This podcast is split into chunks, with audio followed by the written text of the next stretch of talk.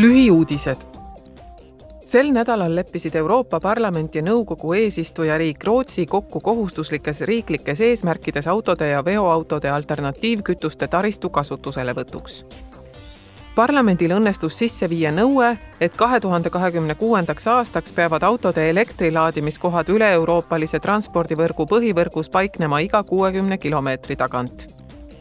vesinikutanklad peavad paiknema vähemalt iga kahesaja kilomeetri tagant. See on järjekordne samm Euroopa kliimaneutraalsuse suunas kahe tuhande viiekümnendaks aastaks homme arutab ja hääletab Euroopa Parlament Brüsselis selle üle, kuidas tugevdada meeste ja naiste võrdse või võrdväärse töö eest võrdse tasu maksmise põhimõtet. uue õigusaktiga nõutakse, et EL-i ettevõtjad avalikustaksid teabe, mis lihtsustab sama tööandja juures töötavatel töötajatel oma palkade võrdlemist. Soolise palgalõhe kaotamiseks sisaldab uus seadus hoiatavaid karistusi tööandjatele, kes ei järgi võrdse tasustamise eeskirju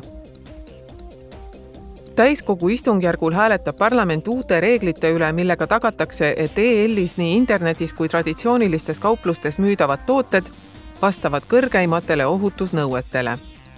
uus seadus sisaldab tõhusamaid menetlusi toodete tagasinõudmiseks ja ohtlike kaupade internetist eemaldamiseks